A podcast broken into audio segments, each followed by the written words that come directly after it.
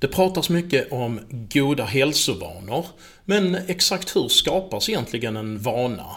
Och hur kan du som arbetsgivare skapa förutsättningar för goda hälsovanor för din personal? På arbetstid och på fritiden. Jag heter Patrik Friberg, har jobbat över 20 år med hälsa, träning och friskvård. Jag föreläser och driver hälsoförbättringsprojekt på företag och i organisationer. Det här är Hälsa och företag, podden för livsstilshälsa i arbetslivet. Nu kör vi!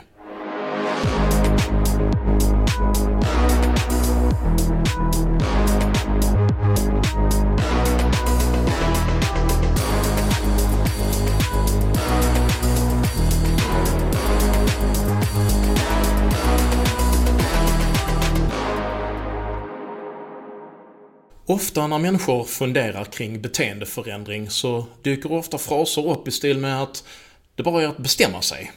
Eller jag vet vad jag måste göra så det är bara att göra det. Man upplever att eh, fokus på målet plus viljestyrka är de komponenter som behövs för att lyckas. Men eh, intention och viljestyrka är jättebra för att klara enstaka utmanande situationer.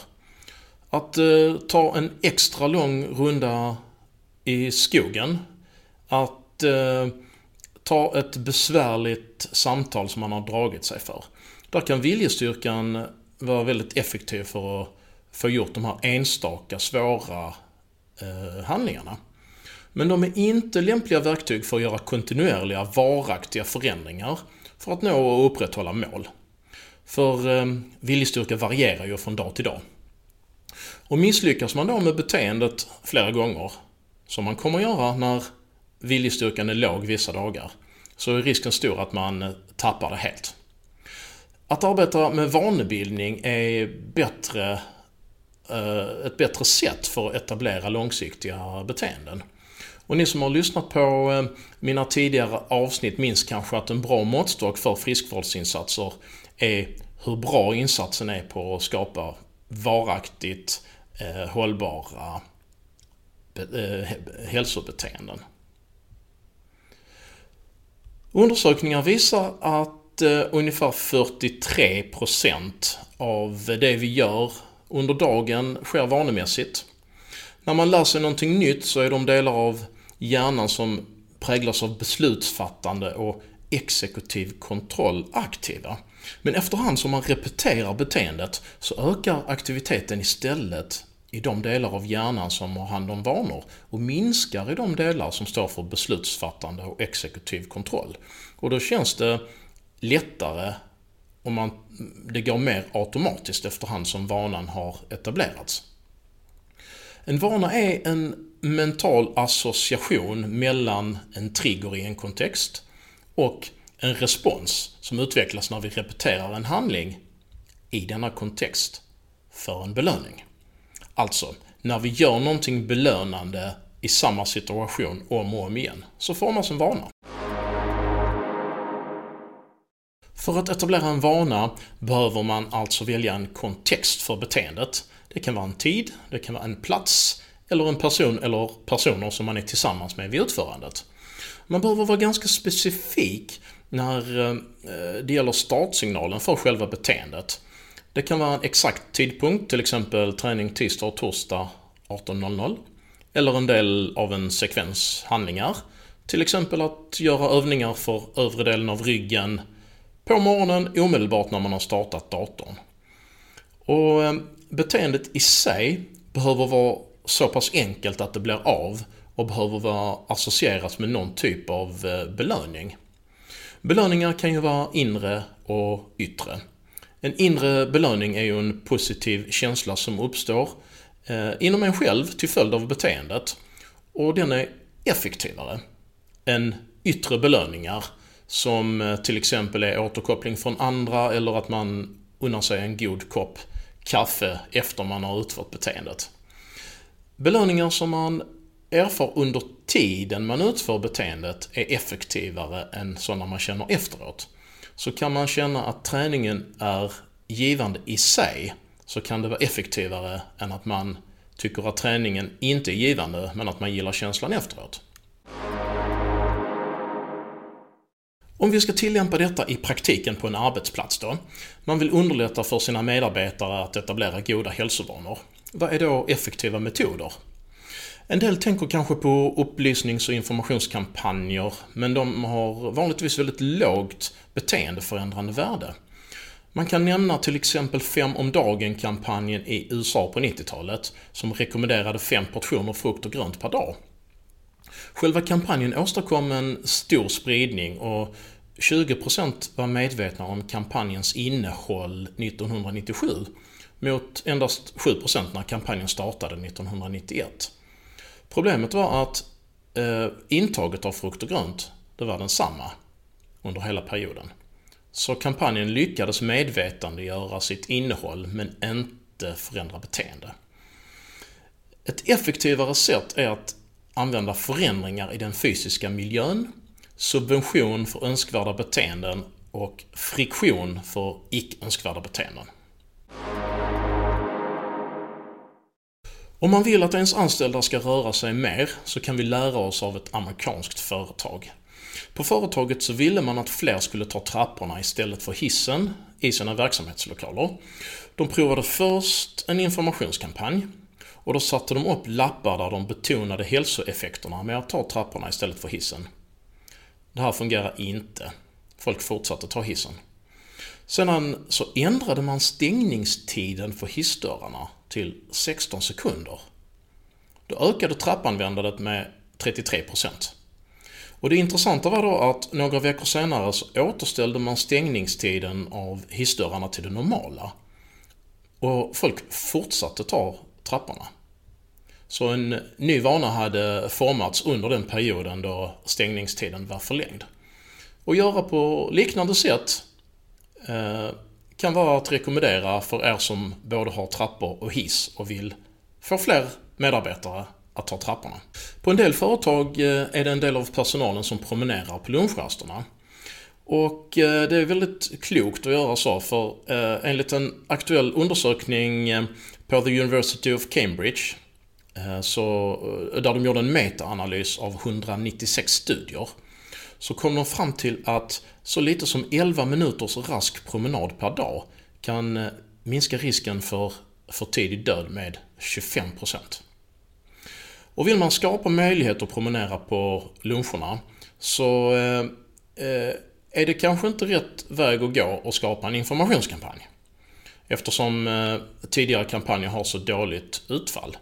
Däremot så kan man försöka göra det så enkelt som möjligt. Eh, till exempel att se till att det inte finns flaskhalsar vid lunchserveringen så att man kan få maten snabbt. Så att man också hinner promenera under lunchen. Eh, man kan också Eh, Eh, dela ut eh, regnkläder med profiltryck som kan hängas på arbetsplatsen så att man gör det enkelt och bekvämt att promenera i alla väder. Och dessutom så blir det bra reklam när eh, eh människor ser era medarbetare promenera. Det är reklam både för företaget och för er hälsoprofil. Och eh, även om inre belöningar är det som är mest effektiva så, så kan man också prova att eh, till exempel ha en låda med små förpackningar färska bär och ha en skylt på lådan eh, där det står att har man promenerat minst 15 minuter så är man välkommen att ta med sig en ask. En del av att skapa vanor för grupper är ju att eh, underlätta vanan och det pratar vi precis om. Men eh, ett annat sätt är att skapa friktion för de beteendena som inte är önskvärda. Och ett sätt att göra det kanske kan vara att inte ha soffor eller stolar som är alltför bekväma i matsalen. Så att man gärna reser sig upp efter man har ätit. Och när man ändå har rest sig så kanske man tar den där lunchpromenaden av bara farten. Gratis cyklar, gratis promenadskor för att uppmuntra till aktiv pendling till jobbet kan också vara en idé som bidrar till högre aktivitet. Om man vill bidra till nyttigare kostvanor så kan man göra på liknande sätt. De produkter som man önskar att de anställda ska köpa, till exempel bubbelvatten istället för läskedrycker, kan man ställa väldigt lättåtkomligt och iögonfallande. Samt att låta dem vara subventionerade eller gratis. Och de produkter man vill att de anställda inte ska köpa men eh, kan man antingen låta bli att ha med i sortimentet överhuvudtaget eller ställa svåråtkomligt och svårupptäckbart. Undersökningar har nämligen visat att människor har en benägenhet att välja lättåtkomliga livsmedelsprodukter i, i sådana situationer, oavsett vad man är sugen på. Ett eh, annat effektivt sätt att förbättra personalens kostvanor är att man subventionerar eh, nyttiga lunchalternativ och att man subventionerar frukostar, eller till och med gör dem gratis. Man kan då till exempel samarbeta med en dietist eller välutbildad kostrådgivare och ta fram nyttiga frukostar med till exempel lågt glykemiskt index, hög näringstäthet och bra fettbalans. På liknande sätt kan man göra med lunchalternativen. Och en reflektion som jag har gjort när jag har eh, varit ute på svenska företag och drivit hälsoprojekt, det är att det är väldigt få företag som eh, utnyttjar den här möjligheten. Och eh, jag, jag tycker det är en underskattad möjlighet att eh, bidra till personalens eh, eh, kosthållning. Är friskvård på betald arbetstid ett bra sätt att skapa nya hälsovanor för personalen? Lyssna gärna på förra avsnittet när vi pratade om träning och friskvård på betald arbetstid. Vi fann då att det kan vara ett effektivt sätt. Dock dyrt. Då lönekostnaden för en friskvårds eller träningstimme per vecka eh, blir över 15 000 kronor per år per person om man har medianlön. Detta var då några strategier för att uppmuntra personalen till bättre hälsovanor på arbetsplatsen. Men vad kan man göra för att uppmuntra personalen till hälsovanor hemma då? Något som är vanligt det är att man eh, bokar en föreläsare för en inspirationsföreläsning. Tyvärr har sådana en eh, begränsad effekt när det gäller förändring av långsiktigt hållbara hälsovanor. Men det kan däremot vara ett väldigt bra startskott för fler insatser. Kanske överväger man att göra en hälso och levnadsvaneundersökning och tänker att den hälsomedvetenheten man får av en sådan test kan ge motivation till förändring. Och att eh, fler hälsoaktiviteter på, frid, eh, på fritiden kan bli följden av detta. Eh, emellertid har sådana eh, hälso och levnadsvaneundersökningar inte så stor effekt om man gör dem eh, i sig själv. Men om man kombinerar dem antingen med individuella program eller ett eh, brett spektrum av friskvårdsåtgärder så kan det bli väldigt effektivt. Något som kan ha stor effekt det är ett hälsoprojekt med eh, till exempel coachingsamtal som stomme. Under coachingsamtalen så gäller det att deltagarna får formulera och nyansera sina personliga mål och att i samarbete med coachen kan utarbetas en strategi som består av konkreta, praktiska och lagom svåra vanor att utföra hemma. Vad som är viktigt om man väljer denna approach, det är att välja coacher som är specifikt utbildade i beteendeförändring. Till exempel psykologer andra beteendevetare eller coacher med utbildning i någon evidensbaserad samtalsmetodik. Och ehm, Eh, vanligtvis så eh, tänker man kanske på personliga tränare när man eh, vill välja en sån här eh, strategi. Men deras, då får man inte glömma att deras kompetens är i första hand att skapa en förändringsplan som är kopplad till medarbetarens mål och hälsoläge och andra personliga förutsättningar. Samt att lära ut skadefri träning.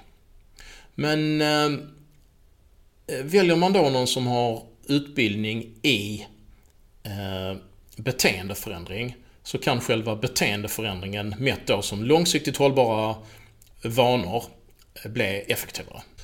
Tack för idag. Tack för att ni lyssnade och vi ses nästa vecka. Ha det gott!